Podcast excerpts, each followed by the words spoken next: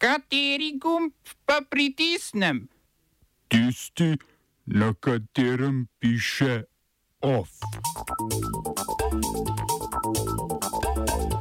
Turška policija v predvolilnih racijah aretirala 110 oseb. Švedska izgnala pet ruskih diplomatov. Litovski parlament legaliziral pushbacke.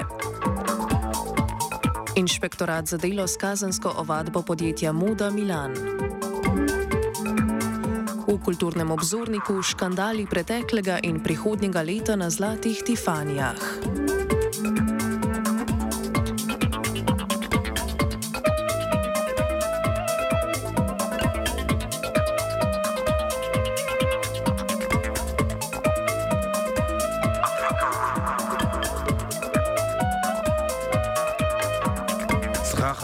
Turška policija je aretirala 110 oseb na podlagi obtož po sodelovanju z delovsko stranko Kurdistana, krajše PKK. Po navedbah Tajipa Temela, poslanca opozicijske ljudske demokratske stranke, krajše HDP, je policija aretirala in preiskala novinarje, odvetnike, aktiviste in politike.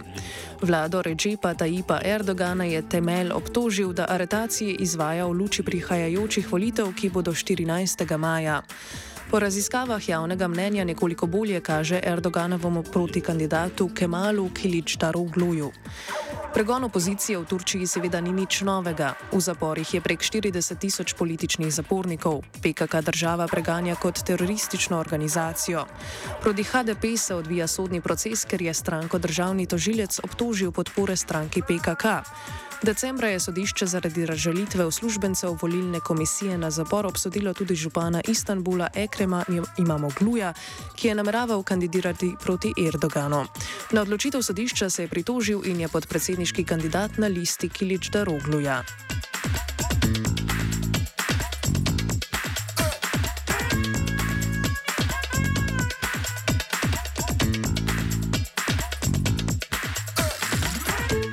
Sudanske sile za hitro posredovanje, krajše RSF, so sudansko vojsko obtožile vpletenosti v pobeg nekdanjega sudanskega predsednika Umarja al-Bashirja in njegovih sodelavcev iz zapora.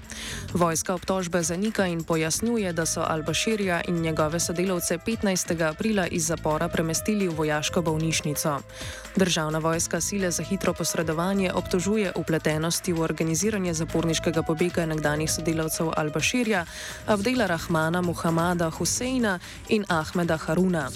Al-Bashirja je leta 2019 odstavila vojska po splošnih ustajah proti njegovi 30-letni vladavini. V Sudanu so ga obsodili na zaporno kazen zaradi korupcije. Mednarodno kazansko sodišče je zahtevalo izročitev Al-Bashirja zaradi več obtožnic vojnih zločinov in zločinov proti človečnosti, vendar ga vojaške oblasti na sodišču ne želijo predati. Sodišču ne želijo predati. Boj za oblast v Sudanu se med vojsko in milico RSF kljub premirju sicer nadaljujejo, po trditvah Združenih narodov premirja velja le deloma.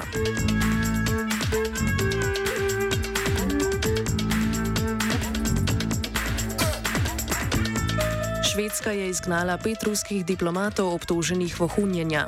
Švedski zunani minister Tobias Bilstrom je za medije dejal, da delovanje izgnanih ruskih diplomatov na švedskem ni ustrezalo njihovemu diplomatskemu statusu. Švedska je tri ruske diplomate izgnala že takoj po začetku ruske invazije v Ukrajini.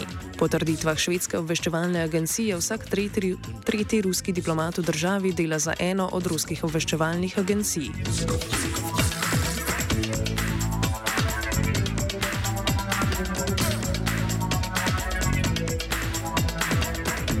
Litovski parlament je sprejel zakonodajo za legalizacijo pushbackov oziroma vračanja beguncev čez mejo brez obravnave njihovih prošenj za azil. Nova zakonodaja legalizira vračanje beguncev z 5-kilometrskega obmejnega pasu v primeru razglasitve ekstremnih razmer. Zakonodaja omogoča tudi vračanje beguncev v primerih, ko so ti prečkali mejo na mejnem prehodu, ki ni bil namenjen beguncem, ali v primerih, ko so ti kršili postopke pri vstopu v državo. Litva, Latvija in Poljska se od leta 2021 soočajo s povečanim obsegom migracij prek beloruske meje. Evropska unija je beloruskega predsednika Aleksandra Lukašenka tedaj obtožila, da namerno organizira migracijski pritisk na zunanje meje unije. Lani sta Litva in Poljska končali zgradnjo več 100 km dolge ograje na meji z Belorusijo. Več o litovski legalizaciji pushbackov v offsajdu ob petih. Smo se osamosvojili, nismo se pa osvobodili. Naslednje število je še 500 projektov. Izpiljene modele, kako so se strani nekdanje LDS rotirali. Ko to dvoje zmešamo v pravilno zmes, dobimo zgodbo o uspehu. Takemu političnemu razvoju se reče udar.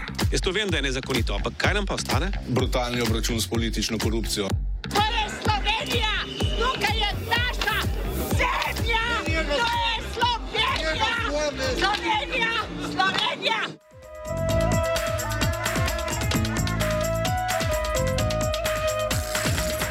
Po poročanju portala 24 ur je Slovenija Ukrajini dostavila 20 oklepnikov različice Valuk. Transport, ki je potekal v tajnosti, naj bi trajal več mesecev, saj je bilo treba oklepnike pripraviti in servisirati.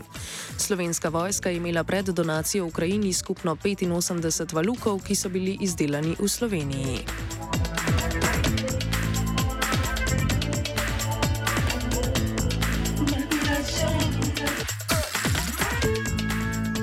Inšpektorat za delo je zaradi ponavljajočega kršanja temeljnih delovskih pravic uložil kazensko ovadbo z oprvodstvo podjetja Moda Milan.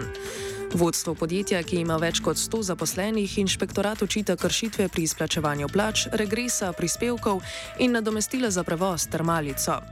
Inšpektori so odkrili tudi kršitve pri zagotavljanju možnosti koriščenja letnega dopusta.